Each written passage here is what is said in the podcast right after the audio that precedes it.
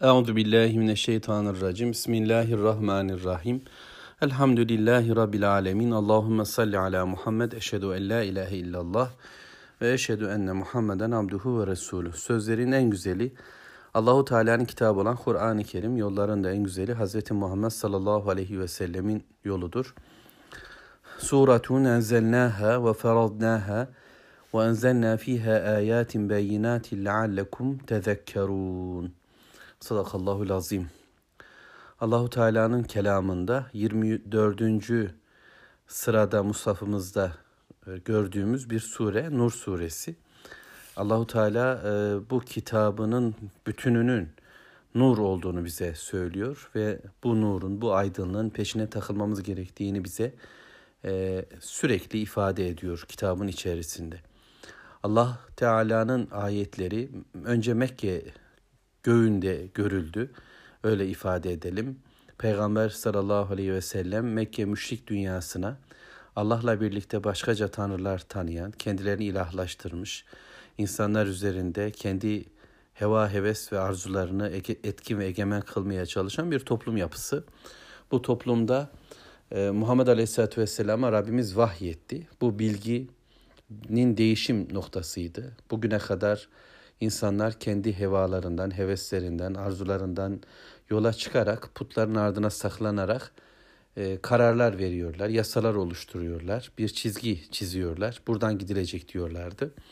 Ama e, Mekke'de Peygamber Aleyhisselatü Vesselam bir Ramazan Kadir gecesinde e, Hira'dan aşağıya indiğinde e, artık sözün sahibinin Allah olduğunu, zaten bütün etkin ve egemenliğin ona ait olduğunu, mülk sahibinin, vekaletin kendisinde olan Allah olduğunu ve dolayısıyla bilginin de ona ait olduğunu söyleyen bir söyleyişle geldi. Mekke'deki ayetler aşağı yukarı bu temeli sürekli dillendirdi. İnsanlara dedi ki yaşadığınız hayat sadece bu hayattan ibaret değil, ölümden sonrası da var ve hesaba çekileceksiniz. Allahu Teala'nın gönderdiği bilgiye kulak tıkarsanız hesabınız korkunç olacak ve bu dünya mutlak bitecek. Bak ölümlü bir dünya. Onun için biricik olarak Allah'ı tanıyın, onunla beraber başkasını kabul etmeyin çağrısını bütün ayetler, bütün sureler söyledi. Kıssalar anlatılırken de, ahiret anlatılırken de e, ya da başka konulardan bahsedilirken de Mevlamız sürekli bu konuları e, gündem yaptı. Döne döne sanki Kur'an bunu anlattı. Söz sahibi Allahu Teala'nın sözüne evet diyenler Mekke'de hayat hakkı bulamadılar. Yaşadıkları hayata mecbur kılındılar. İnandıkları bir hayatın kurallarını, yasalarını yani ona göre yaşama ise e, beceremediler, izin verilmedi. Allahu Teala Müslümanlara e, rahat olun. E, siz Müslüman olmaya bakın. Siz imanınızı, kalbinizdeki bu yeni şahsiyeti şekillendirin işi bana bırakın diyordu sureler boyunca. Ve Müslümanlar ahlaki olarak erdemlerini kavileştirdiler, sağlamlaştırdılar. Kitapla kimliklerini oluşturdular.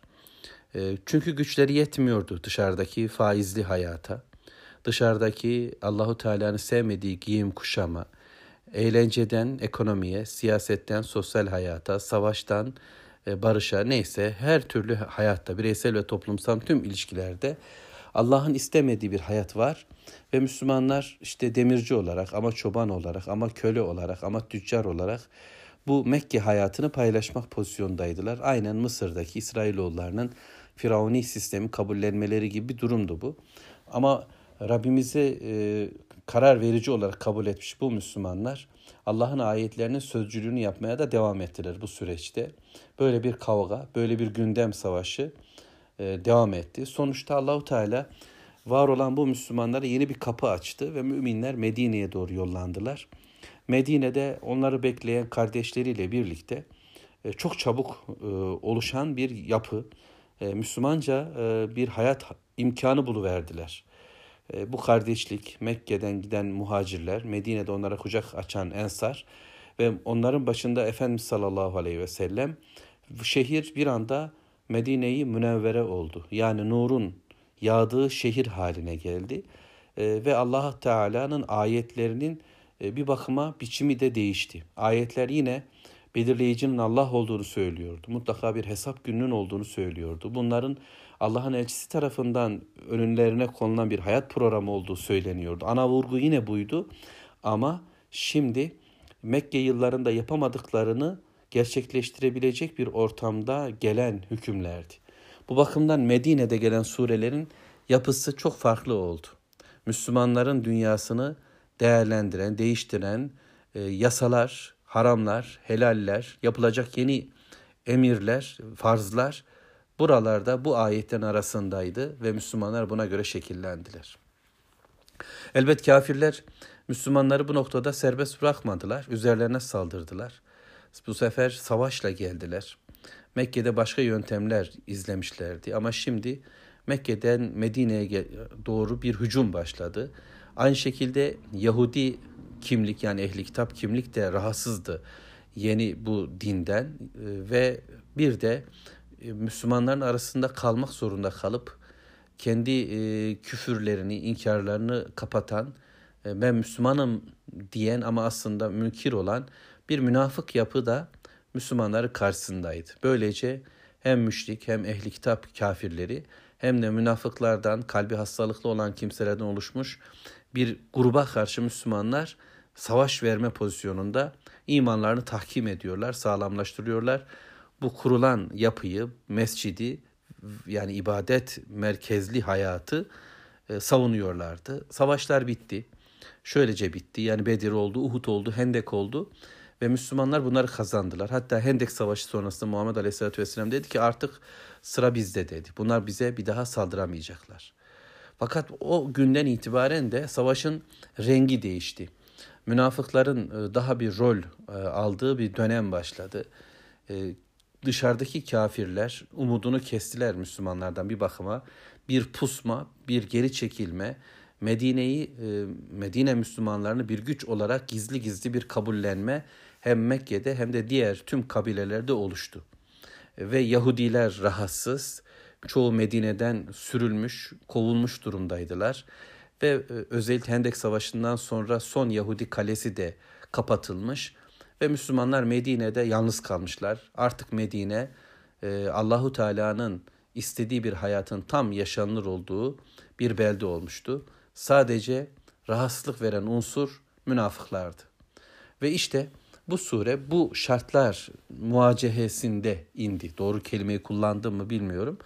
Böyle bir dönemde geldi. Efendimiz sallallahu aleyhi ve sellemin civar kabilelerden e, Beni Mustalik üzerine yaptığı bir sefer diye hatırlıyorum.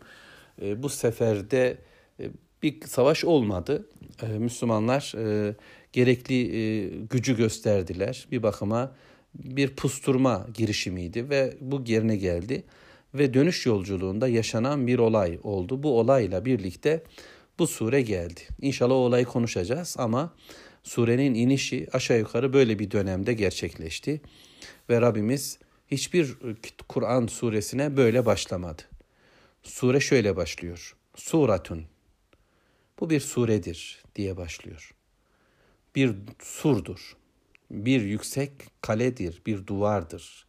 Bir şereftir bu.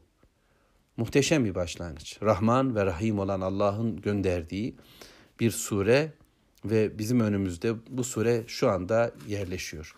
İsterseniz bundan önceki surenin son ayetini okuyalım. Böylece bir bağlantı kuralım. Sure Mu'minun ve son ayet şu. Ve kul ve de ey Muhammed sallallahu aleyhi ve sellem ve kul ve söyle ey Müslüman.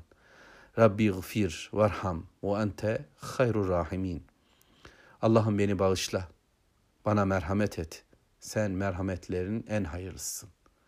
Şimdi Muminun suresinde müminler, müminlerin özellikleri anlatıldı biliyorsunuz. Kavimlerden, peygamberlerden bahsedildikten sonra Allahu Teala bu sözü söyletiyor Efendimiz sallallahu aleyhi ve selleme. De ki Rabbim ben bu dini yaşarken yine de başarılı olamayacağım. Yine de hatalarım çok olacak. Eksiklerim olacak. Sen bunları tam kabul et Allah'ım.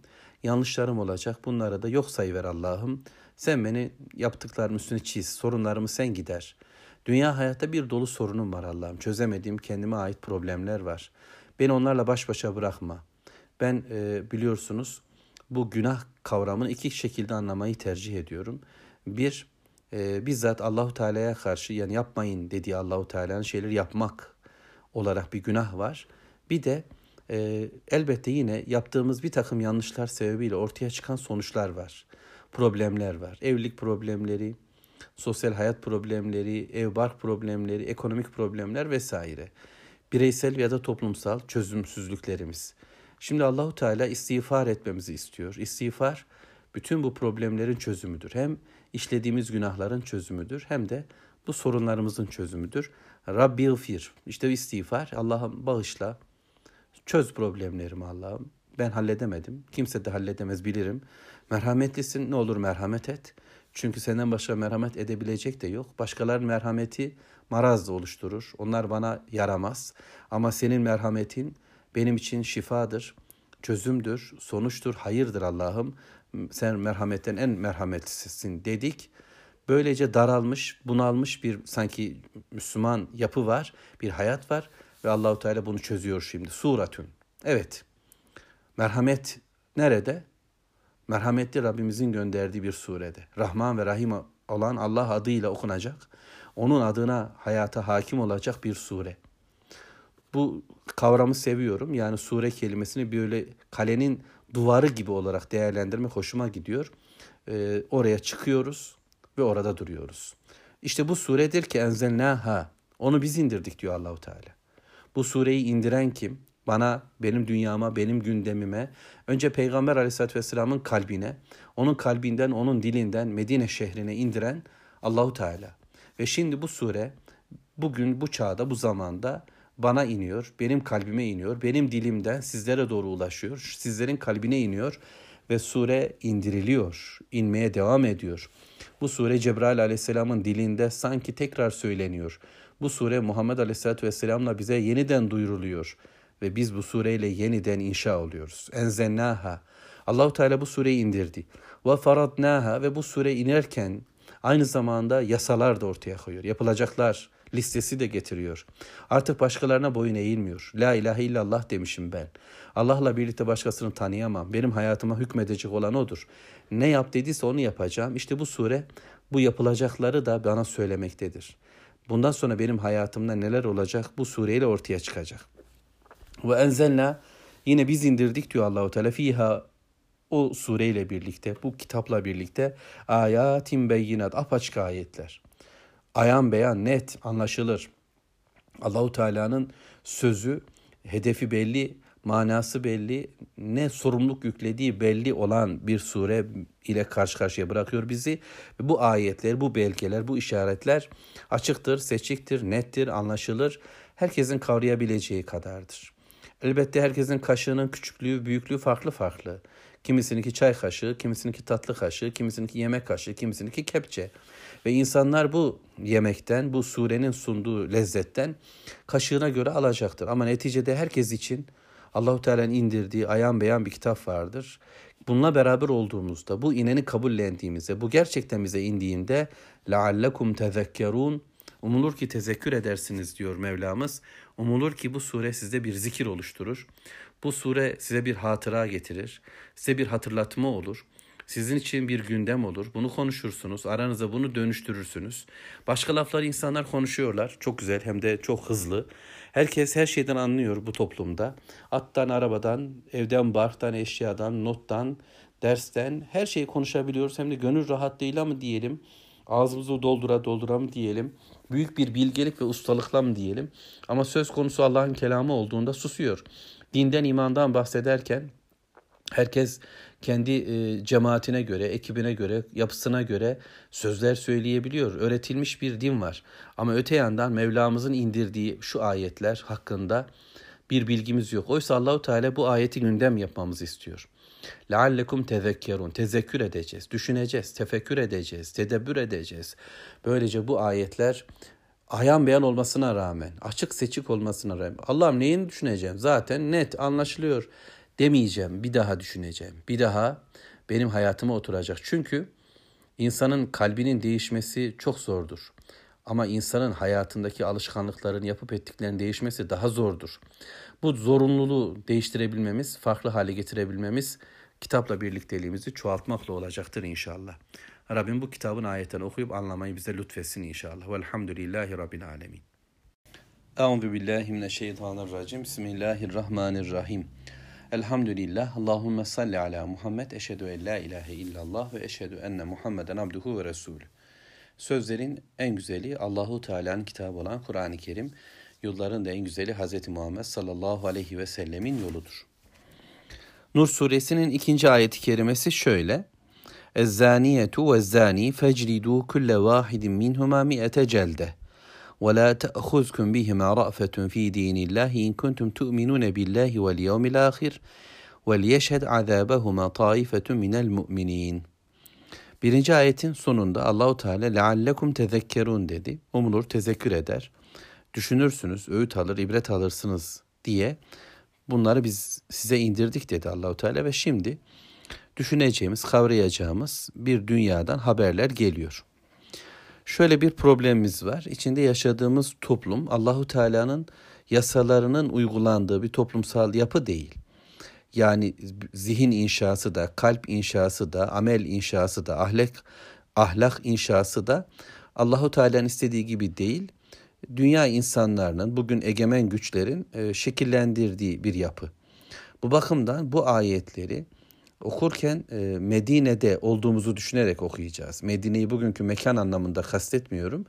İslam'ın hakim olduğu, Peygamber Aleyhisselatü Vesselam'ın ve sahabesinin e, orada olduğu, vahyin o indiği dönemde hayal edip anlamaya çalışacağız. Ki zaten biliyorsunuz ayetlerin sebebin üzülünü düşünmek, konuşmak, gündem yapmak da bunun için gereklidir. Ayetlerin indiği ortamda neler ifade ettiğini anlayalım ki Bugün bizler bu ayeti nasıl anlamaya çalışacağız? Evet uygulayamayabiliriz. Şu anda bu ayet bizim için amel noktasında, yaptırım noktasında e, etkili olmayabilir. Yani ayet aynen durmaktadır. Söz Allah'ın sözüdür. Aynen geçerlidir bu çağımızda da. Fakat bizler şu anda bunu yapmaktan aciziz. Böyle bir zillet içindeyiz. Fakat bu ayetleri okumayacak mıyız öyleyse? Hayır okuyacağız. Ayetin bize oluşturduğu bir fikir var, bir iman var. Buna iman edeceğiz. Bunun e, sevdasını, böyle bir toplumun, böyle bir hayrın peşinde koşmanın gerekliliğini kendimize de etrafımızdaki Müslümanlara da söyleyeceğiz. Eğer lafı düzgün toplayabildiysem. Şimdi Allahu Teala bir durum değerlendirmesi yapıyor bize. Kadın ve erkek hayatlar üzerinden, cinsellik üzerinden e, nasıl bir beklentisi var İslam'ın? Nasıl bir kadın, nasıl bir erkek nasıl bir evlilik oluşturuyor bunu görüyoruz. Ezzaniyetu zina eden kadın ve zani ve zina eden erkek. Allahu Teala sözde kadınla başladı. Belki e, zinada ikisi de erkek de kadın da aynı şekilde rol sahibidir. Ama çoğu kez belki bu maksadın üzerinde oluştuğu kişi kadın olunca belki söze Allahu Teala kadınla başladı. Ezzaniyetu zina eder halde olan kadın diye tercüme ediyorlar. Ben de öyle bildiğimi ifade edeyim.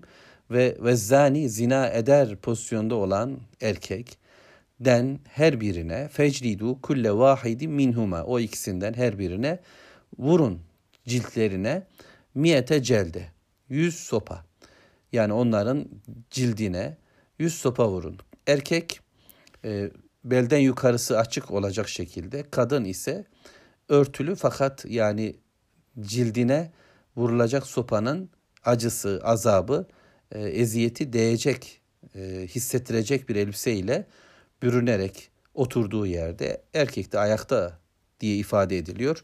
Bu e, sopayı yiyecekler. E, Allahu Teala'nın kuralı hudududur. Hadler Allahu Teala'nın aslında İslam toplumuna bir ikramıdır.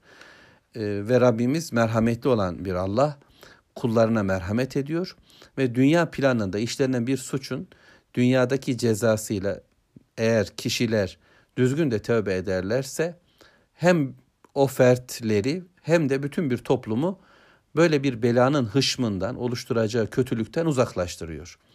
Tekrar ifade edebilirsem zina e, özellikle adam öldürmekten daha kötü bir amel bütün bir toplumu öldüren bir davranış. Böyle bir davranışın dünyadaki bu şekilde cezalandırılması hem fert planında bu günah işleyenler için bir temizlik eğer tövbe ederlerse hem de e, bu cezanın uygulanmasıyla birlikte bütün bir toplum için e, bir kirden temizlik olacak ve böylece yüreklerdeki yanlışa meyillerin önü alınacak. Allahu Teala bu surede Müslümanca bir ailenin, iffetli bir hayatın inşası nasıl olacak onu anlatır bize. Ve biz işin en sonundan başlıyoruz ama surenin başında. Yani ceza bölümüyle başlıyoruz. Bu cezaya giden yolların nasıl tıkanacağını ise surenin geri kalan bölümleri bize tanıtacak. Evet, İslam'da böyle bir ceza sistemi var ve bunu yine tefsirlerden e, öğreniyoruz ki evlilik yaşamamış kişiler yani evlenmemiş kişiler, bekar olan kişiler eğer bu işi yaptıysa zina eden erkek ve kadın eğer bekarsa onlara vurulacak sopa bu şekilde.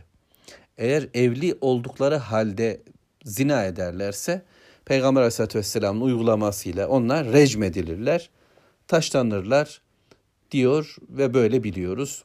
İşin detayları fıkıh kitaplarında. Ve la te'huzkum bihima ra'fetun fi dinillah. Bu ceza uygularken yani bu sopa yüz sopa vurulurken nasıl vurulacak? Sopanın mahiyeti ne olacak? Bunlar hep ayrıntılı anlatılmış. Kısaca şöyle yüz gibi, avret mahalli gibi, baş gibi e, canı tehlikeye sokacak e, yerlere değil vücudun kollar gibi, sırt gibi, e, kabalar gibi, ayaklar gibi bölgelerine dağıtılarak bu yüz değnek vurulur e, ve vuran kişi kesinlikle aynı e, ölçüde vurmaya çalışır. Yani e, sopayı omuz hizasına kaldırıp belli bir e, şeyle ölçekte vurur, belli bir güçle vurur. Ne e, hafif böyle acıtmayacak şekilde ne zorba bir böyle bir vuruyor ama yüz sopa yerine geçecek kadar acıtıcı vuruşla değil.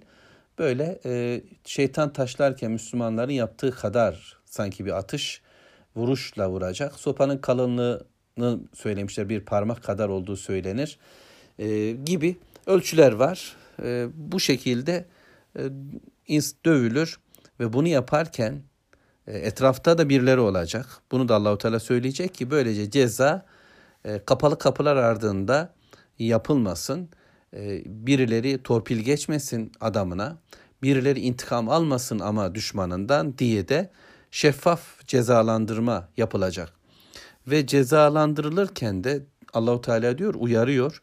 Yani sizler bu cezayı bugünkü dünya, feminist dünya, demokrat dünya, batı tarafından şekillenen kadının aşağılandığı, harcandığı ama bir taraftan da tapınılır hale getirildiği, erkeğin erkekliğinin yok edildiği, yiğitliğinin kaybolduğu fakat bununla beraber cinsel arzuları tahrik edilerek bir bakıma e, böyle sadece bir şehvet kaplanı haline getirildiği bir dünyada e, arzular üzerinden, şehvetler üzerinden büyük bir pazarın oluşturulduğu bu dünyada e, bunu konuştuğumuzda bu ayeti gündem yaptığımızda birileri salya sümük mü diyelim çok affedersiniz İslam'a saldırmaya bunu bir şiddetmiş gibi değerlendirmeye falan çalışacaklar ve biz de böyle bunu savunacağız diye ölüp gideceğiz. Allah muhafaza. Bu Allahu Teala'nın dinidir, yasasıdır ve Efendimizin diliyle söylediği gibi bir memlekette şu kadar gün sabah namazı kılınmasından daha hayırlıdır. Yani namaz sabah namazlarının bereketi ortada Allahu Teala'nın zimmetidir Şu kadar gün sabah namazının kılınmasından sayı hatırlayamadığım için böyle söyledim. Ee, Müslümanlar için çok daha bereketlidir Allah'ın hudutlarından, Allah'ın yasalarından bir yasanın uygulanır olması.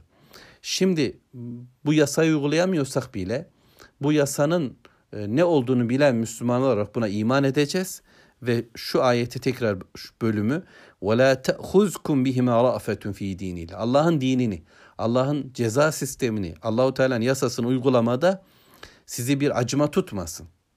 Yani ay çok da güzelmiş ama çok da yakışıklıymış ama kıyamam diye içinizde onlara karşı bir merhamet oluşmasın. İn kuntum eğer siz tu'minune billah Allah'a iman ediyorsanız vel yevmil ahir ve ahir güne iman ediyorsanız bir hesap gününün olduğunu biliyorsanız Hesap günündeki cezalara, cezalara göre bunun hiçbir önemi yoktur neredeyse.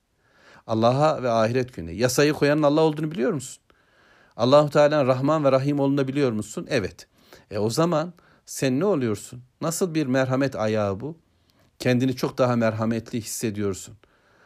Eğer yüz sopadan bir sopa bile eksik olsa Allahu Teala kıyamet günü bunu soracak.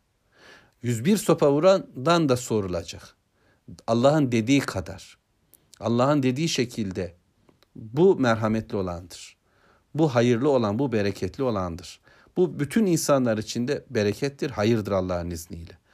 Ve kesinlikle imanın varsa Allahu Teala yasa koyucudur. Ve hesap günü hesabı olacak diyorsanız acıma tutmasın. Böylece dünya kafirlerinin oluşturduğu bu propaganda karşısında da Müslümanın kesinlikle içinde bir savunma oluşmayacak. Başka bir merhametin e, İslam'ın merhametiyle alakası yoktur. Yeryüzünde merhametten, şefkatten, sevgiden, aşktan filan bahsedenlerin ağızlarının arkasında mutlaka para vardır, sömürü vardır. İslam ise insanı aziz kılma çabasındadır. Aziz olan insanı, şerefli, ahseni takvim olan insanı Allahu Teala bu çizgisinde tutup yine kemalata doğru ilerletir. Şimdi Allahu Teala böyle uyardı.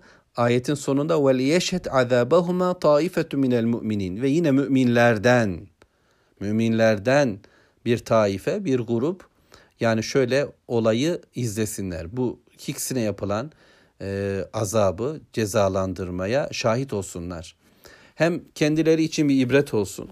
İçlerinde böylesi bir arzu alevlenecek gibi olursa, şeytan ve dostlarının dürtüleri gelecek olursa bu dizginlensin. Böylece vazgeçsinler. Hem ki bu ibretin dışında da yapılacak olan bu cezanın adaletli bir şekilde uygulanmasına seyirci olsunlar ki bir zulme, bir haksızlığa yol açılmasın.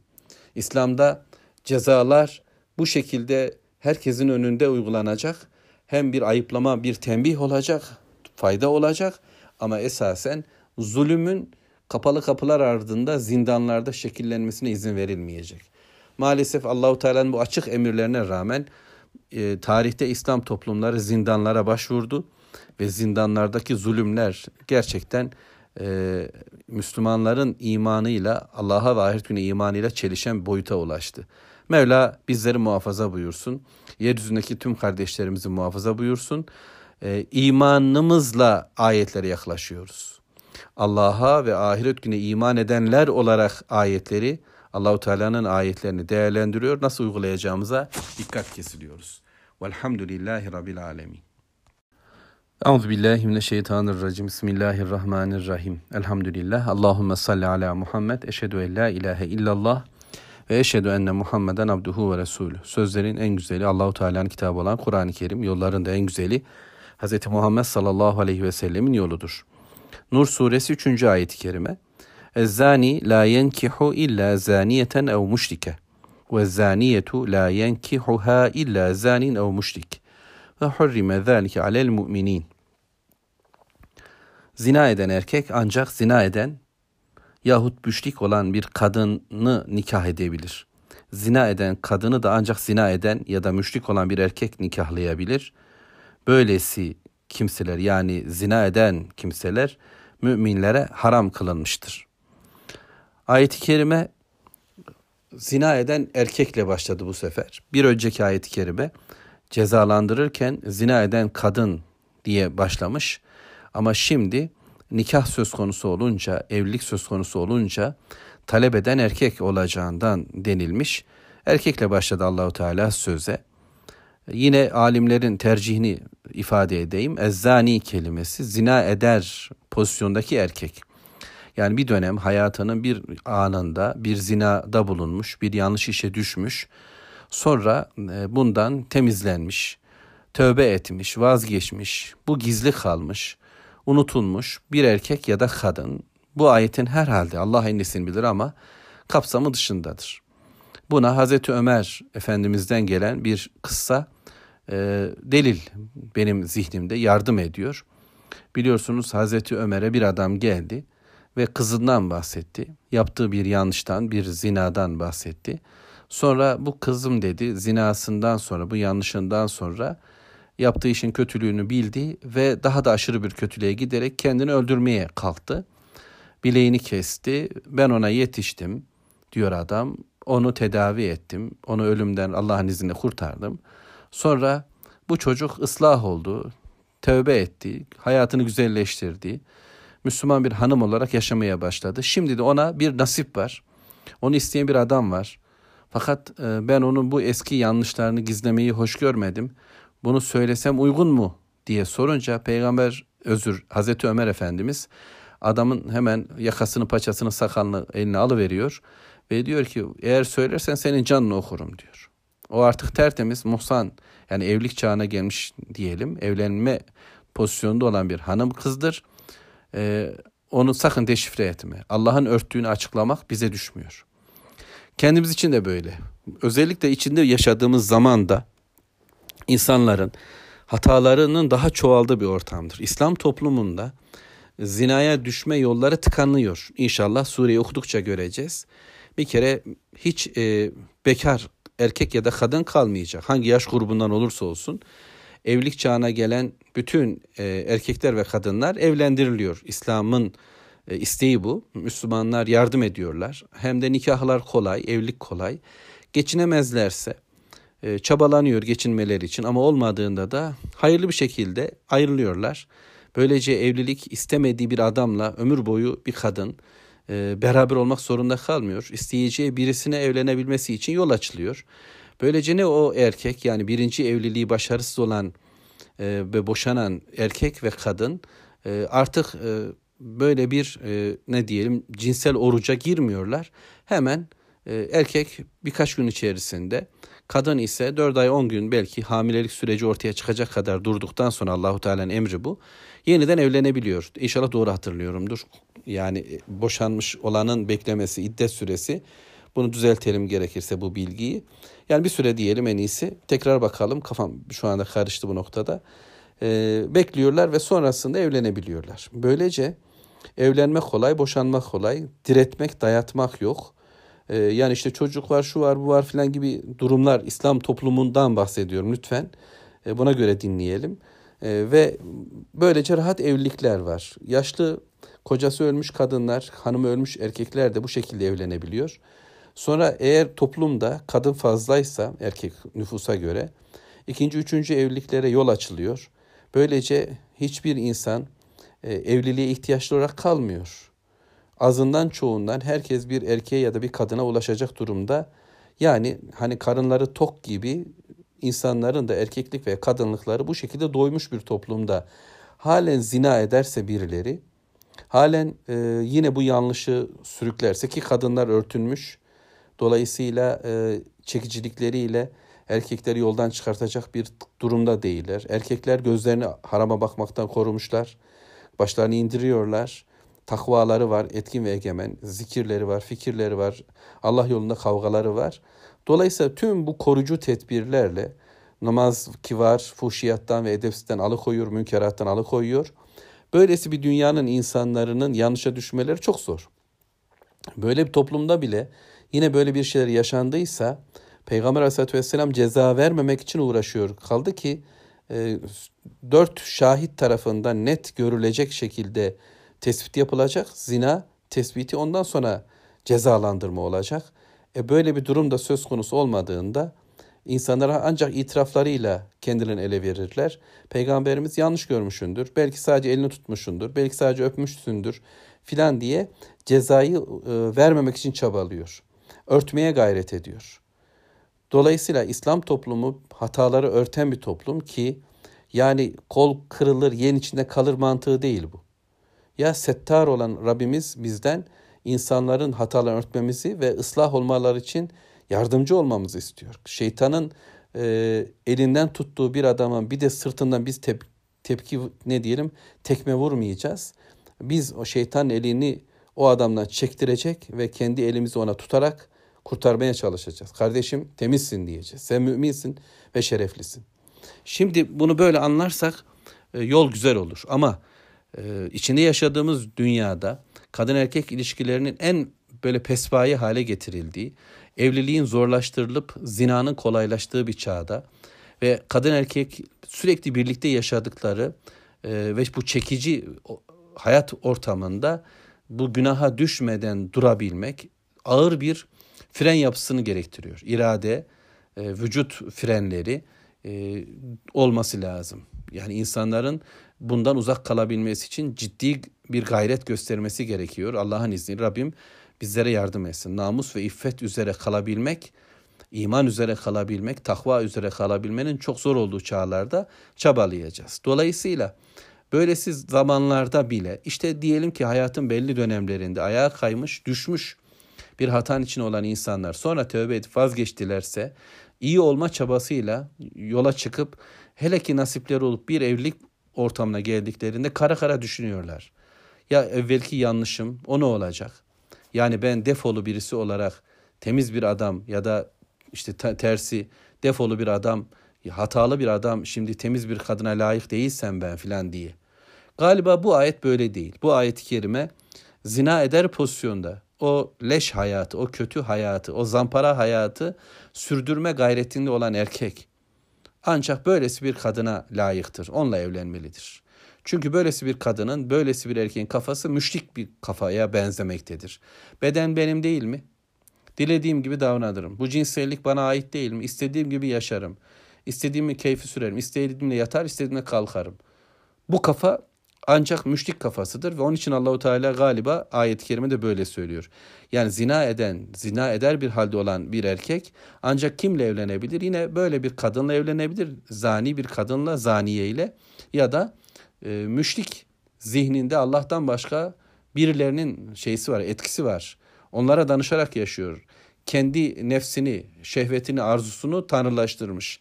Böylesi biriyle evlenebilir. Tersi durum da geçerli zina eder pozisyonda olan bir kadın ancak kimle nikahlanabilir? Böyle bir erkekle evliliği sürdürebilir ya da müşrik bir insana layıktır. Allah korusun. Burada zina e, şirkle aynı kategoride değerlendirildi neredeyse. Elbette zina eden müşrik değildir. Ama zinayı iş edinen bir insan bunu bir hayat şekli olarak kabul ettiğinde Allahu Teala'nın bedenle ilgili cümlelerini yok sayıyor demektir.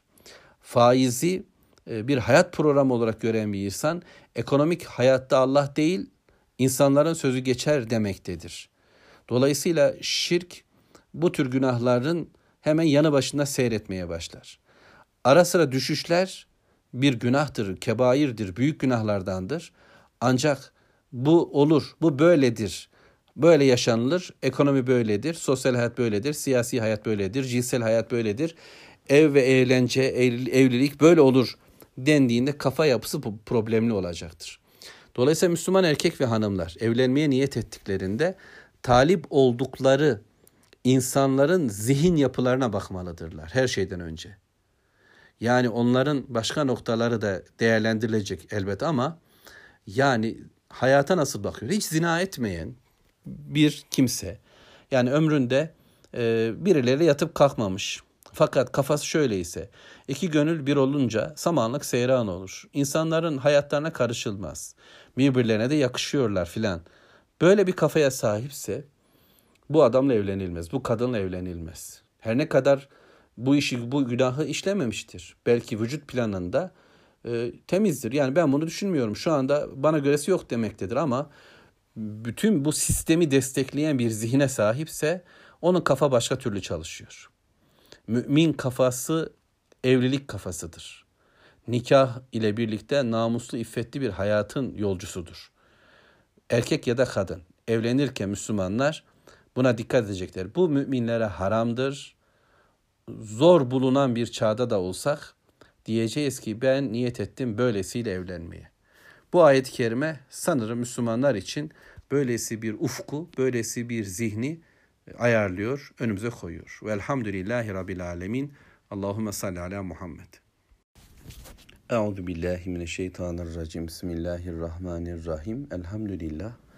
Allahümme salli ala Muhammed. Eşhedü en la ilahe illallah ve eşhedü enne Muhammeden abduhu ve resulü. Sözlerin en güzeli Allahu Teala'nın kitabı olan Kur'an-ı Kerim yollarında en güzeli Hz. Muhammed sallallahu aleyhi ve sellemin yoludur. Nur suresini okuyoruz ayet 4.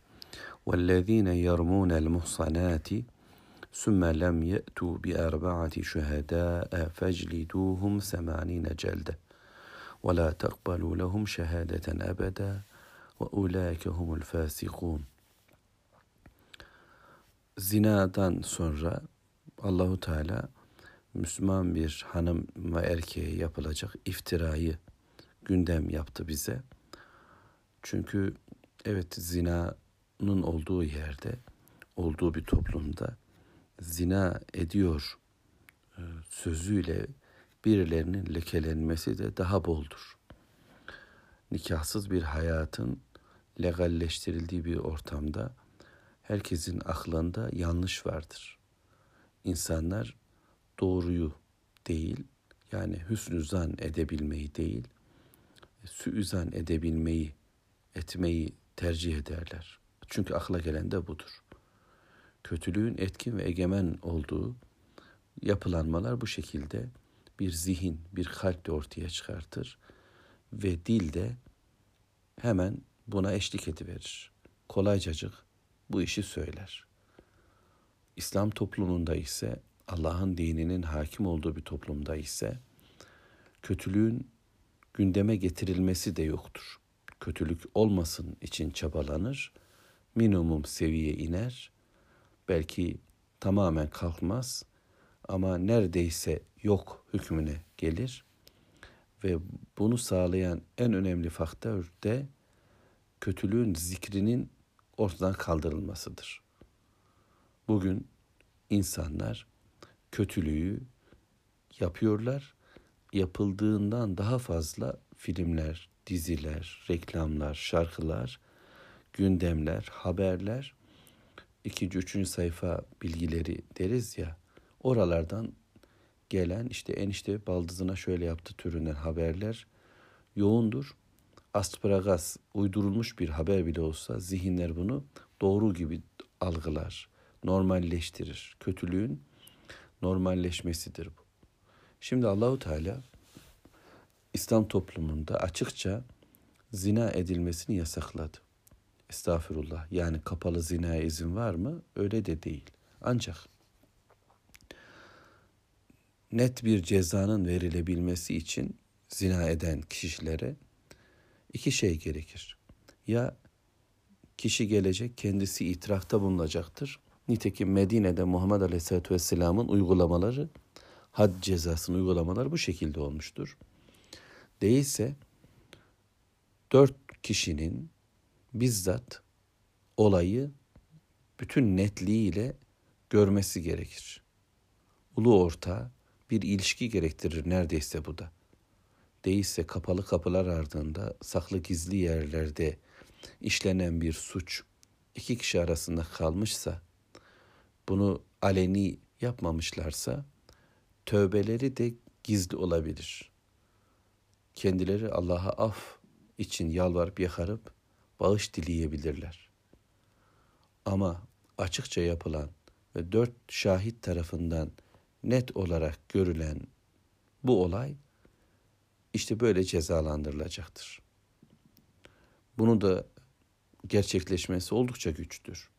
Ancak İslami olmayan bir toplumda hatta Efendimiz sallallahu aleyhi ve sellemin kıyamete dair haberlerinde ulu orta sokak ortasında hayvanlar gibi çiftleşme dönemlerinden bahseder.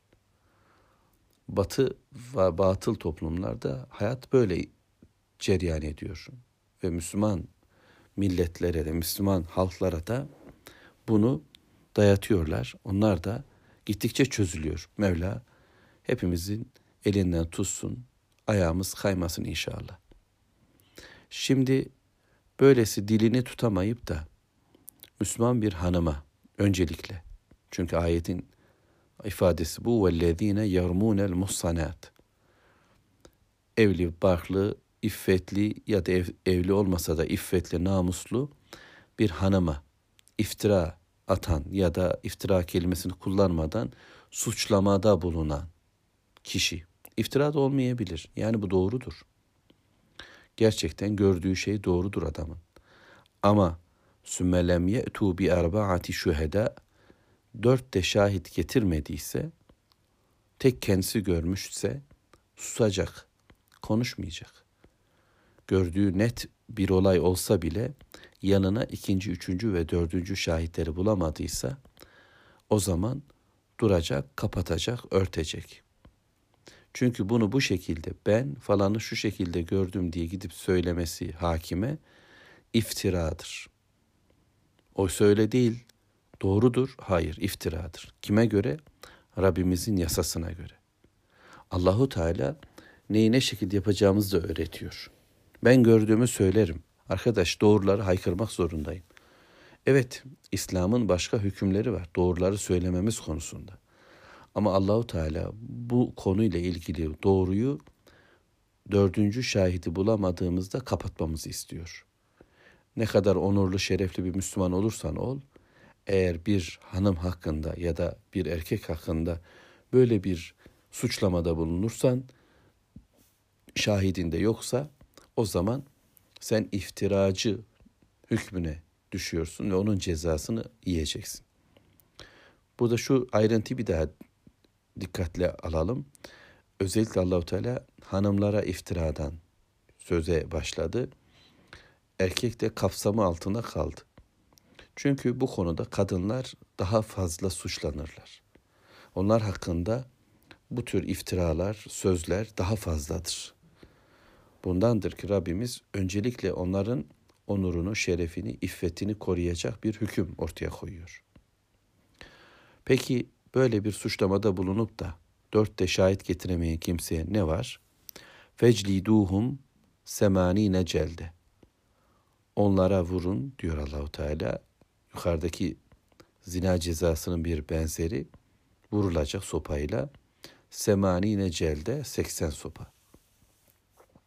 Zina eden bekara 100 sopa, iftira eden kişiye 80 sopa artı وَلَا تَقْبَلُوا لَهُمْ شَهَادَةً اَبَدًا Ve onların şehadetlerini, şahitliklerini de ebediyen kabul etmeyin. Artık bu adam yalancıdır. Ne kadar doğru sözlü bir insan olursa olsun normal hayatında Allahu Teala ona artık yalancı hükmünü vermiştir. Çünkü Allah'ın bu konudaki yasasını yalanlamıştır ağzı. Böyle bir ağız artık güvenilmezdir. Ula ve ulaike humul fasikun onlar fasıktırlar. Fasık kelimesinin en böyle can alıcı açıklamalarından bir tanesi de Bakara suresinde.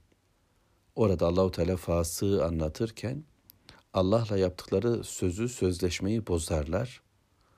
Allah'ın bağlayın dediği bağı kopartırlar ve yeryüzünde fesat çıkartırlar diyor. Dolayısıyla bunlar fasıktırlar. Allahu Teala'ya söz vermişler, kulluk sözü vermişler. Bilgiyi sadece senden alacağız ve sen istediğin gibi yaşayacağız demişler. E bu sözü bozdular. Bu tür bir suçlamayla aileleri darmadağın edecek, Müslüman hanımların ve erkeklerin onurunu iki paralık edecek bir yola girdiler ve bunun sonu bir fesattır. İşte onlar Böyle yapanlar fasıktırlar. Rabbim korusun. Bundan sonraki ayet şöyle, beşinci ayet. İllellezine tabu ancak tövbe edenler min ba'di zalike bundan sonra ve aslahu ve ıslah olanlar. Fe innallah gafurur rahim. Allah gafur, Allah rahimdir. Bundan önceki günah yani suçlamada bulunup da bu şekilde cezalandırılan ve ebediyen artık şahitliği, tanıklığı dinlenilmeyecek. Yani Müslüman toplumda sözü söz olarak kabul edilmeyecek hale gelen bu adam eğer tövbe ederse ya da bu kadın tövbe ederse, dönerse yaptığından min ba'di zalik bundan sonra bu işlerinden sonra yetmez. Ve aslahu ıslah olursa yani durumunu düzeltirse artık dilini bu işlere bulamazsa fe innallah gafurur rahim. Allah gafur, Allah rahimdir. Allah bağışlayandır ve Allahu Teala çok merhametli olandır. Rabbimiz mutlaka kapıyı aralık bırakıyor. İşlenen suç ne kadar büyük olursa olsun tövbe için durumu düzeltmek adına Allahu Teala'nın bir imkanı var. Yapılan yanlışlardan vazgeçmek zorundayız.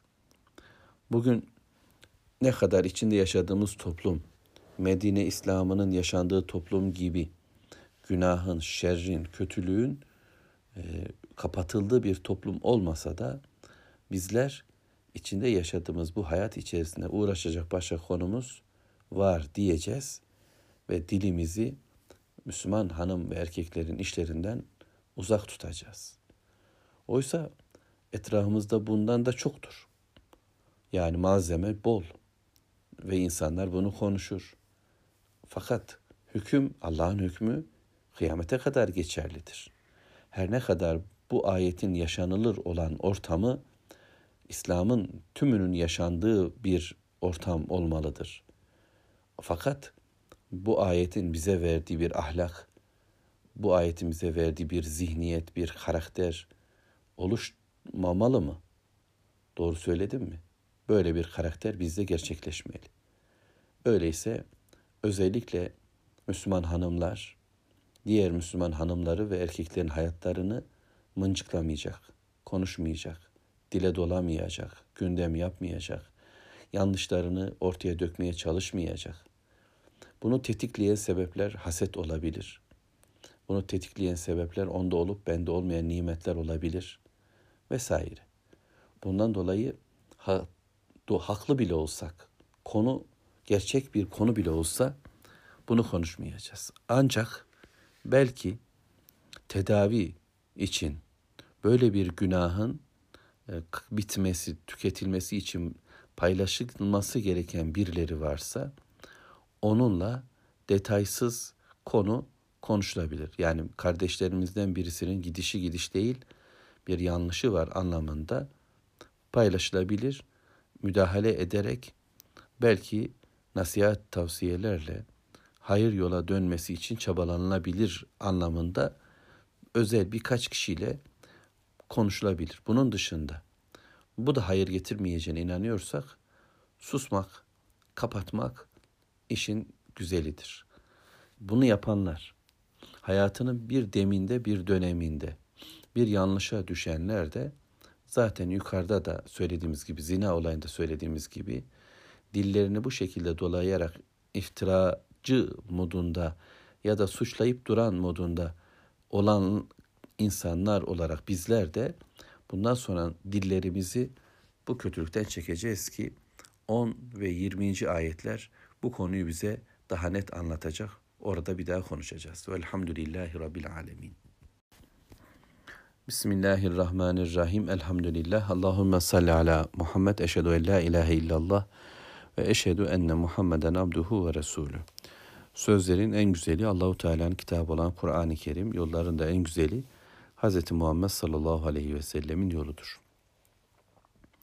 Nur suresini okuyorum. Ayet 6.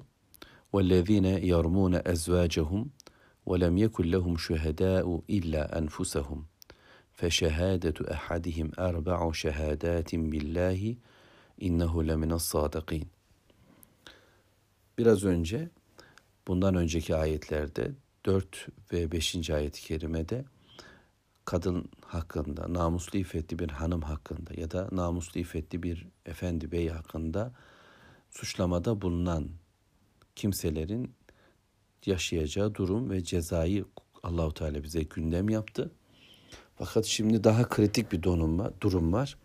Bir adam e, eşini başkasıyla birlikte gördüğünde bu durum ne olacak? Bir kimse ki e, karısını ya da diyelim kocasını başka bir şekilde başkalarıyla birlikte gördü, yakaladı.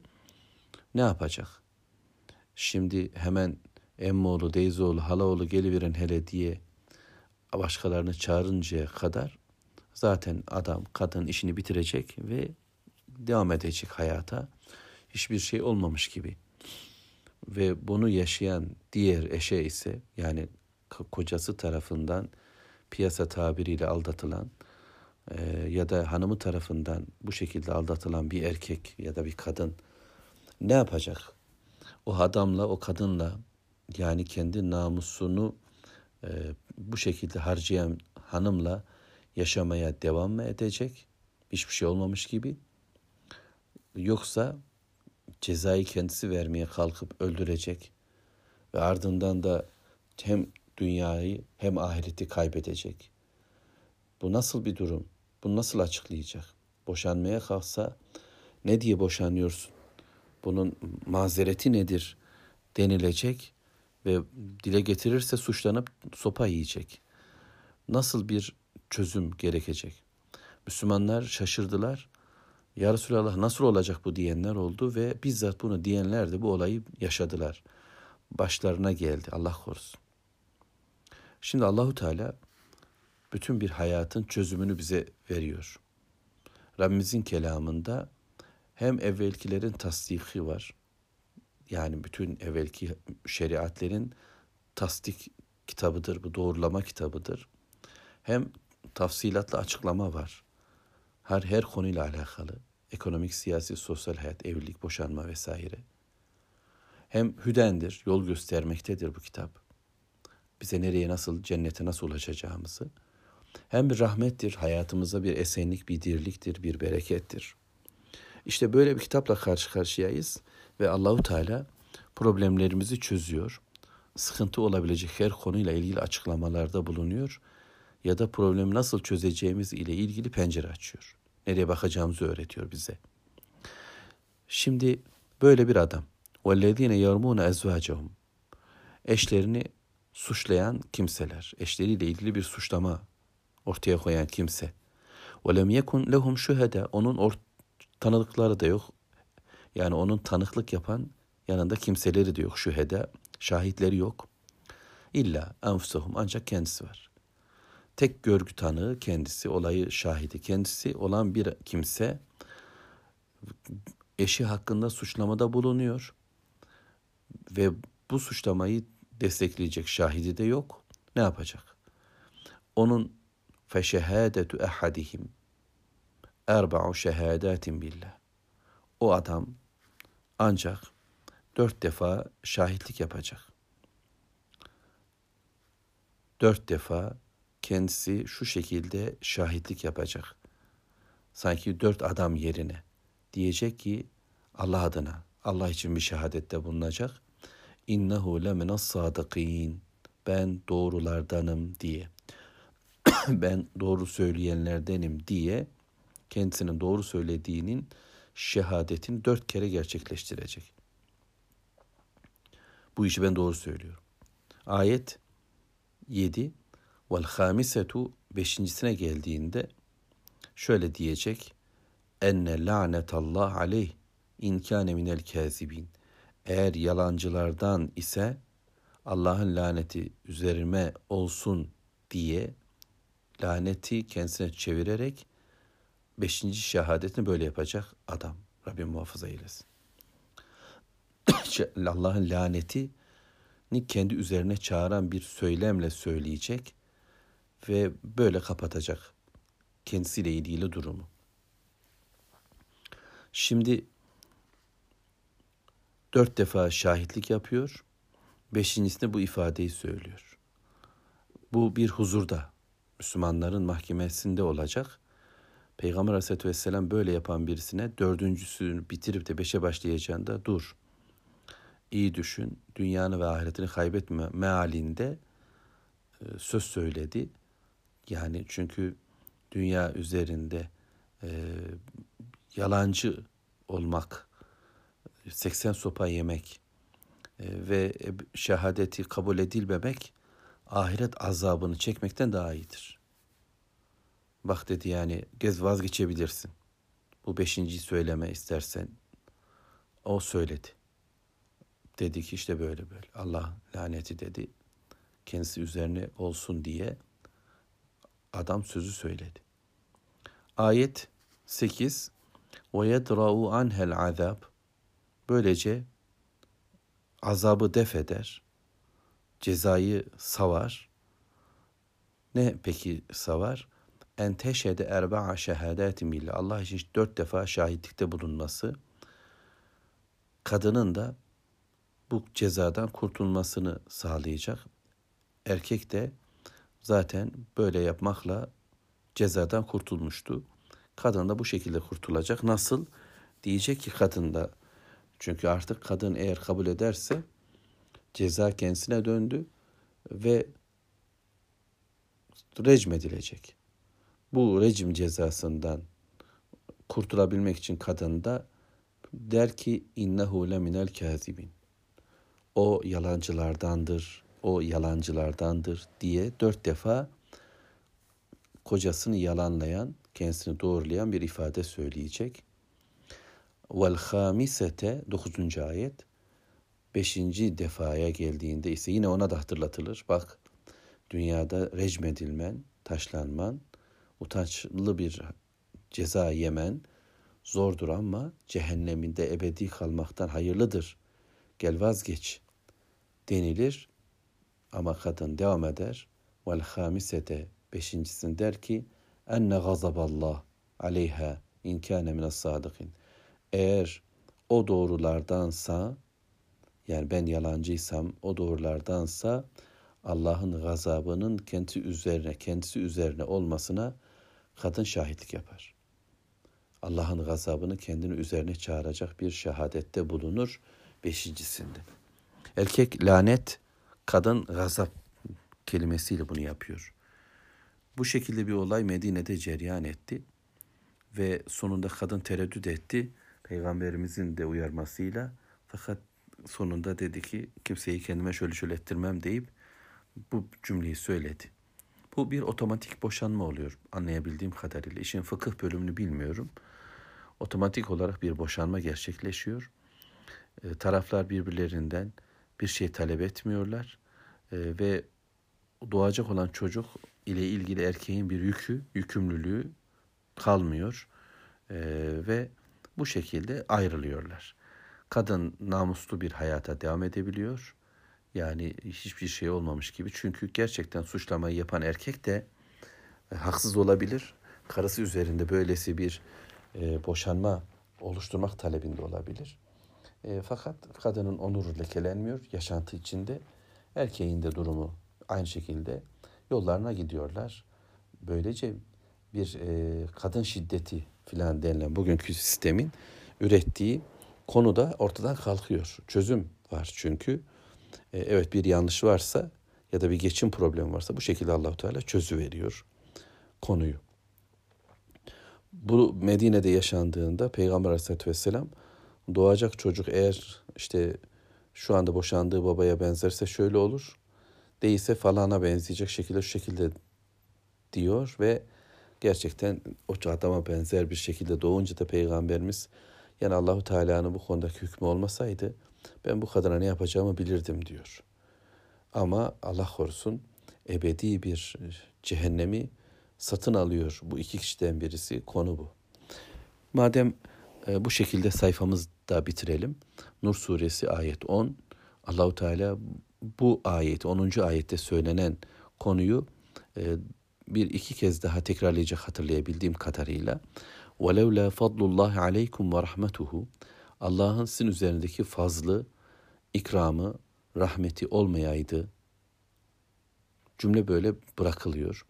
Ya Allah'ın fazlı olmasaydı, Allahu Teala'nın size ikramı, rahmeti, acıması olmasaydı nasıl çözecektiniz bu problemleri? Nasıl altından kalkabilecektiniz bu sorunların? Bak ki Allahu Teala rahmet etti, kitabını gönderdi. Fazl ikram etti, peygamberini gönderdi. Sorunlarınızı çöke, çözecek, problemlerinizi bu şekilde halledecek olan çözümleri Mevlamız gönderiyor. Rahmetiyle değilse yaşanmaz bir toplum meydana gelir. Necaset dolu, kir dolu, çözümleri bile yeni sorunlar oluşturacak olan şirk toplumlarıdır. Biliyorsunuz bugün bunu canlı olarak yaşıyoruz. Çözüm süreçleri hiçbir zaman çözmüyor, yeni sorunlar ortaya çıkartıyor. Böylesi bir toplum çünkü şirkin kendisi zulümdür. Allah'tan gayrısına itaat edilen, Allah'tan gayrısının sözüyle bir hayat yaşanan, başkalarının yasalarını yani insanların yasa oluşturduğu bir dünyada elbette çözüm olmaz. Çözümler yeni sorunlar demektir ve gittikçe bozulan bir süreç hayatı sarar ve insanlar perişan olurlar. Ama İslam toplumunda Allah'ın fazlı, rahmeti, ikramı gerçekleşir. Buram buram konular e, böyle vahiy kaynaklı bir rahmet kokmaktadır. E, aile problemleri de çözülür. Geçim dirlik problemleri de çözülür. Yok kadına mı şiddet, erkeğe mi şiddet, haklar mı, hukuklar mı hiçbir şey ortada kalmaz. Rahmetiyle Allahu Teala bu topluma bunu getir. Sadece bir ay yeter. Bir ay yani İslam'ın yaşanmadığı şu ton, şu toplumda, içinde yaşadığımız coğrafyada Nur suresinin egemenliğinin bir ay sürmesi, ailelerle ilgili problemlerin çoğunun bitivermesine sebep olacaktır. Mevlamız yüreklere işleyecek olan bu hükümlerle konuyu çözer. Çünkü İslam sadece yasa değildir. İslam aynı zamanda imandır, vicdanlar, insaflar bununla tamir olur. Nur suresinin sadece yasa olarak hükmetmesi değil, yüreklerde okunur, anlaşılır, kabul edilir hale gelmesini kastediyorum. Bununla gündem olsa, yani bir ay kadar sadece Nur suresiyle gündem yapsak, herkes bunu konuşsa, bu ayetlerle birlikte olsa ve buna uygun bir hayatı kabullenen bir şart ortaya çıkıverse, işler rahatlar, evlilikler kolaylaşır, nikahlı bir hayatın bereketi topluma ulaşacaktır. Evet ve ennallâhe tevvâbun hakim. Allah tevvaptır. Tevbeleri bol kabul edendir. Hakim, hüküm hikmet sahibidir. Allahu Teala'nın kararları karardır. Rabbimizin isimlerinden bu surede şu anda hatırlayabildiğim kadarıyla bir, beşinci ayetin sonu fe innallah gafurur rahim. Şimdi onuncu ayetin sonu ve ennallah tevvabun hakim. Tövbe gerektiren konular var. Döneceğiz. Dönüşleri kabul eden Allah'tır. Biz ona döndüğümüzde o bize daha da dönmekte, rahmet ve inayetini ulaştırmakta. Hakimdir. Kararları karardır, hükmü yeterli olandır, hikmet doludur. Onun hükmünden başka hüküm arayanlar bir bilgiye ulaşamazlar, bir mutluluğa da ulaşamazlar. Rabbimin izniyle 10. ayetten sonra Hazreti Ayşe ile ilgili bölüm başlıyor Nur suresinde. Rabbim orayı da anlayıp kavramayı bize nasip etsin. Velhamdülillahi Rabbil Alemin. Euzu billahi mineşşeytanirracim. Bismillahirrahmanirrahim. Elhamdülillahi Rabbil alemin. Allahumme salli ala Muhammed. Eşhedü en la ilahe illallah ve eşhedü enne Muhammeden abduhu ve resulü. Sözlerin en güzeli Allahu Teala'nın kitabı olan Kur'an-ı Kerim. Yolların da en güzeli Hz. Muhammed sallallahu aleyhi ve sellemin yoludur. Nur suresi 11. ayet-i kerime ile birlikteyiz Rabbimizin izniyle. Bundan önceki ayet-i kerimede Rabbimiz 10. ayette وَلَوْ لَا فَضْلُ اللّٰهِ عَلَيْكُمْ وَرَحْمَتُهُ وَاَنَّ اللّٰهَ tevvabun hakim dedi. Bu surede tekrar edilecek bir bilgi. Allahu Teala'nın fazla ikramı olmasaydı, bizim üzerimizdeki rahmeti olmasaydı ne yapardık? Nasıl çözerdik sorunlarımızı, problemlerimizi? Çözülmez. Şirk sistemleri bir çözümsüzlük yumağıdır. Sorunları çözmek için ürettikleri çözümler bile yeni sorunlar demektir. Allahu Teala'nın kulları tanıyan, yaradan, yaşatan, rızık veren, vekil olan Rabbimizin sözleri, gönderdiği bu ayetler ise bizim için fazla ikramdır, rahmettir, çözümdür. Dünya hayatı ancak bu şekilde mutlu olur ve sadece bunlarla cennet kazanılabilir.'' Ve Allahu Teala bütün yanlışları yapmamıza rağmen, hatalarla birlikte olmamıza rağmen bizi affedecek olan Allah'tır. Tevvaptır, hakimdir. Hem ki tövbeleri çok kabul eder hem de hüküm hikmet sahibidir. Bununla beraber Rabbimiz bu cezayı yani işte iftira atanlara 80 ama zina edenlere 100 sopa olarak e, bekar olanlara, evli olanlara rejim olarak cezaları bu şekilde takdir etti. Bunlar bu cezalar da rahmettir, fazla ikramdır. Sorunlar ancak böyle çözülecektir. Fakat Medine'de Müslümanların yaşadığı ağır bir sıkıntı dönemi oldu. Bu dönem onlar için bir imtihan oldu. Bizim için de bu ve benzeri olayları Rabbimiz bu ayetlerle önümüze koyarak nasıl çözeceğimizi bildiriyor. Bu ve benzeri imtihanlarda nasıl bir yol yordam izleyeceğiz, ne yapacağız? nasıl sıyrılacağız, nasıl dilimizi, gönlümüzü, zihnimizi temiz tutacağız? Bunun yöntemini Allahu Teala önümüzdeki ayetlerle bize ifade edecek Allah'ın izniyle.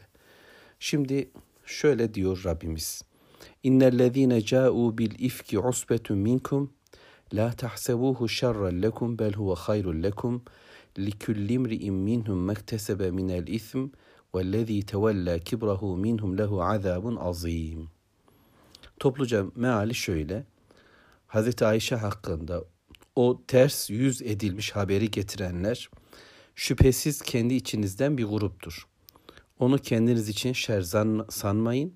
Aksine o sizin için hayırlıdır. Evet bunlardan her biri kendi aleyhlerine bir günah kazanmışlardır.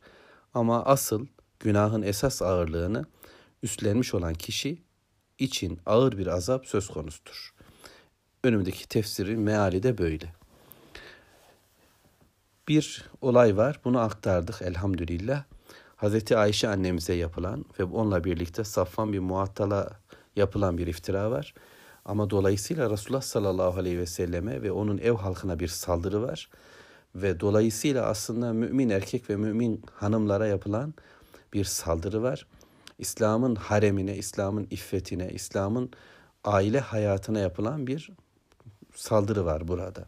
Şimdi böyle gelenler, innellezine ca'u bil ifki, ifkle gelenler, bir iftira ile gelenler, bir uydurma asılsız haberle gelenler, bir şaya çıkartarak böylece birilerini yaftalayanlar, bu gürültülü haberlerle toplumun canını okuyanlar kimlerdir? Bunu Rabbim anlatacak. İfk e, haberin ters yüz edilmesi demektir. Olmayan bir şeyi var gibi göstermek, var olanı yok gibi gösterme çabasıdır. İffetli, onurlu, şerefli olanı iffetsiz, onursuz, şerefsiz gibi göstermek bu bir iftiradır, bir döndürme hareketidir, olayı ters yüz etmedir. Çağımızdaki medya aynen böyle yapmaktadır. Var olan iffeti, onuru, şerefi yok kabul ederek, yok olan işte yalanı, kötülüğü, iffetsizliği varmış gibi birilerinin üzerine etiketleyerek, yapıştırarak aslında bunu gerçekleştiriyorlardır. Dünya sihirbazlarının tarih boyuncaki hünerleri böyledir. Onlar yalanı doğru, doğru yalan gibi gösterirler.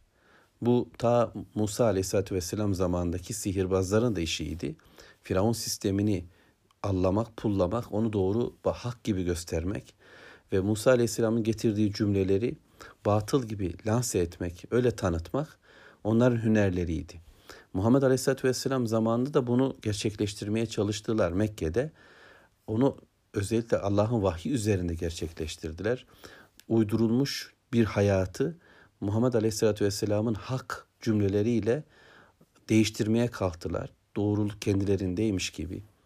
Ama Medine'de bu yolu izlediler, tutmadı ve sonunda başka bir yerden saldırdılar. Müslümanların ailesine hürmetsizlik ederek özellikle Ehli Beyti ve Ehli Beyt içinde özellikle Ayşe annemizi hedef alan ağır bir saldırı başladı. Tekrar söyleyeyim yani ifk kelimesinde bir iftira kapasitesi var. Ama bununla beraber yani iftira biliyorsunuz bühtan böyle insanı şaşırtan, bir anda şaşkına çeviren, hiç haberiniz yokken ansızın üzerinize patlayan bir durumdur. Yani tertemiz bir hayat yaşayan birisi, normal hayatına güzelce devam eden bir fert bir anda şaşkına döner. Üzerinde olmadık şeyler olur. Karanlıkta yürüyen bir kimsenin böyle bir anda projektörlerle açığa alınmasıdır.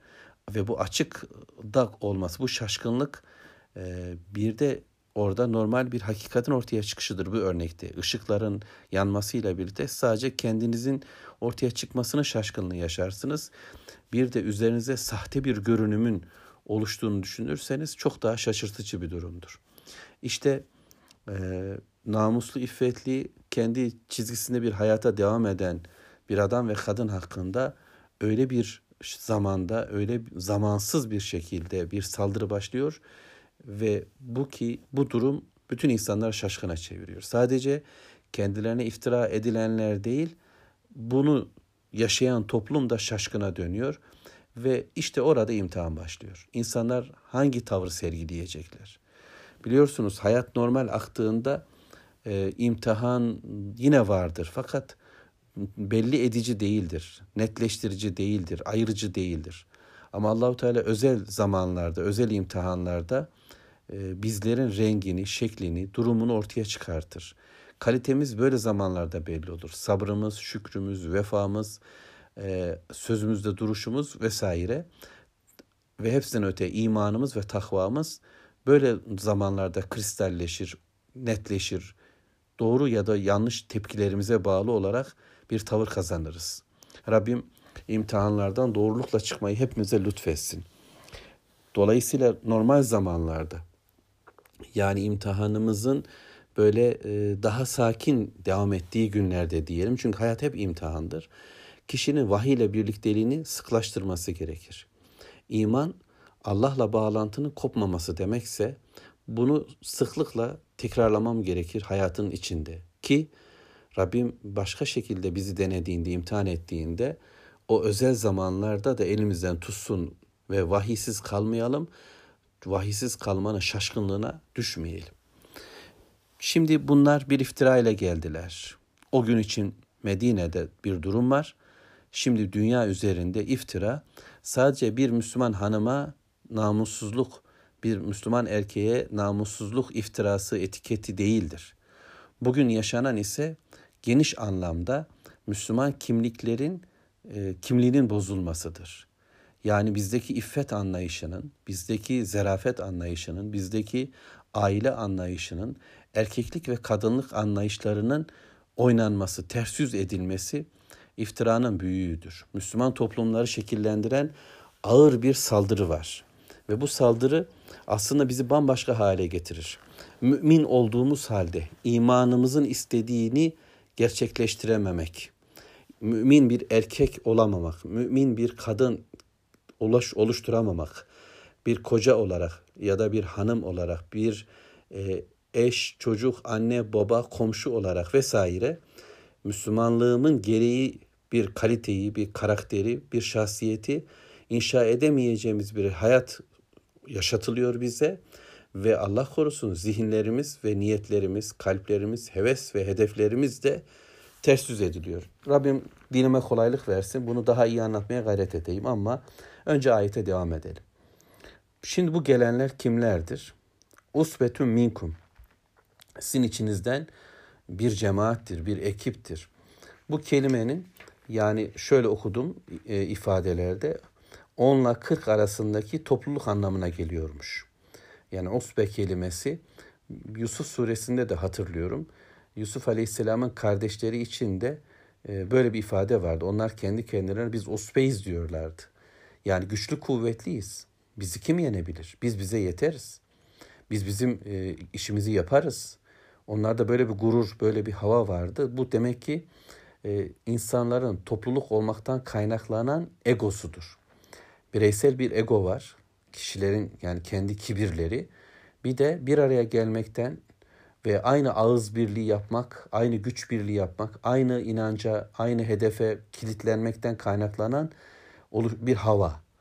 Dünya üzerinde son yüzyıllar, yüzyılda diyeceğim, e, özellikle ulus devlet anlayışıyla birlikte insanlar üzerinde bu hava oluşturuluyor. Yani biz diğerleri gibi değiliz. Biz biz başka türlü biz vurduk mu acayip vururuz. Biz durduk mu değişik dururuz. Bizim mertliğimiz falan diye böyle bir biz söylemi e, özellikle e, toplumları gaza getirmek, insanlar bir arada tutmak için sıklıkla yenilenen bir anlayış türüdür. Dolayısıyla insanlar vahiy etrafında toplanmazlar. Allahu Teala'nın kulluğu etrafında toplanmazlar. Başka inançlar, başka akideler, başka esaslar üzerinde e, birliktelik kurarlar. Şimdi bu iftirayı getirenler de böyle aslında e, organize bir cemaattir. Öyle birbirlerinden habersiz otobüsün bir koltuğunda oturan bir adam var, diğer koltuğunda oturan bir adam var. Derken işte onlar bir konuda ağız birliği etmişçesine konuşuyorlar. Böyle rastgele bir konuşma tarzı değil. Ya bunlar ayarlık ayarlı, birbirleriyle haberli, hedeflerini ayarlamışlar. Bir bakıma alt konuşmalarla, toplumun önüne çıkmadan necuva dediğimiz Kur'an-ı Kerim'in pek çok ayetlerini kullanan gizli görüşmelerle e, ortak gündem belirlemişler. Ve böylece işte dizide neyi gündem yapacak, yarışmada neyi gündem yapacak, haber programında neyi gündem yapacak, okulda neyi gündem yapacak, toplumun konuşacağı şeyleri sanki birbirlerinden habersizmiş gibi. Ekonomik haberlerden bahsederken de kadın erkek e, konusunu böyle e, ifade eden e, bir takım renkler, bir takım haber tarzları geliştirirler. Herhangi bir reklamın içerisinde de bir bakarsınız o gün verilmesi gereken fikri veren bir şarkı, bir jingle ya da bir söz, bir görüntü aktarılır ve bizler bunu bağımsız, birbirinden habersiz şeylermiş gibi algılamaksızın dinleriz. E, fakat aslında bunlar birliktedirler. Bir zinciri tamamlamaktadır dünya şeytanları. Bunlar da böyledir. Bunlar içinizden organize bir topluluktur. Netliklerini biliyorlar. Nereye varmak istedikleri belli. Hedeflerine kilitlenmiş ve buraya iyi çalışıyorlar. Her birisi başka bir yerden vuruyor ama vurduğu yer tam ses getiren Efendimiz sallallahu aleyhi ve sellemin ailesi, Peygamber aleyhissalatü vesselamın hanımı e, ve bununla birlikte öyle bir noktaya vuruyorlar ki bütün toplum ayrışacak. İşte Evse Hazreç bile tekrar kavmiyetçi sözlere geri döndüler. Irkçı, asabiyetçi sözlere geri döndüler. Oysa Allah'ın Resulü onlar bir ateş çukurunun tam kenarından tutmuş eteklerinden birbirlerine girmiş yok olacak bir Medine'yi, bir Yesrib'i Medine'yi münevvere haline getirecek bir hamle yapmış. İman kardeşliği etrafında Evs ve Hazreç, Evs ve Hazreç'in oluşturduğu Ensarla muhacir, Mekkeliler ve sonra diğerleri ve diğerle birleşmiş cemaat olmuşlar. Peygamber Aleyhisselatü Vesselam'ın ardında omuz omuza vermişler. Bir kenetlenmiş bir duvar haline gelmişler Allah yolunda. Böyle bir topluluğu Bedir'de, Uhud'da, Hendek'te ve diğer noktalarda kanıtlanmış bir birliktelik, bir sağlamlık hem de. Ama şimdi tam da e, küçük bir vuruş ama öyle bir yerine vuruş ki bütün toplum sarsılıyor. Enteresandır. Ve şimdi bu ayeti kerime bütün Müslümanlar yeniden yeniden yeryüzü kafirlerinin Müslümanlar üzerindeki tüm projelerini anlamak adına okumaları gerekir. Onlar bizdenmiş gibi görünen bir grup bir kere. İçimizden birileri. İçimizden birileri de onlara çanak tutacak. Akletmeyenler, bir takım hesapları olanlar, kalplerindeki hasedi tüketemeyenler, bir makam mevkide yer bulma derdinde olanlar, bu insanların hesabıdır. Ve sahabe-i kiramın içinde de on, Peygamber Aleyhisselatü Vesselam'dan sonraki dönemlerde de bunlar yeşerecektir. İnsan olmanın gereğidir. Ve şeytan bu noktaları biliyor. Atamız Adem ve Havva'yı cennetten çıkartırken ki bir bilgisiyle buraya saldırdı. Şimdi Rabbimiz bunların kim olduğunu, nasıl olduğunu bize ifade edecek. Ve fakat diyecek ki la tahsebuhu şerran lekum bel huve hayrul lekum. Siz bunu şer zannetmeyin. Bu sizin için hayırlıdır. Rabbimizin izniyle devam edelim inşallah.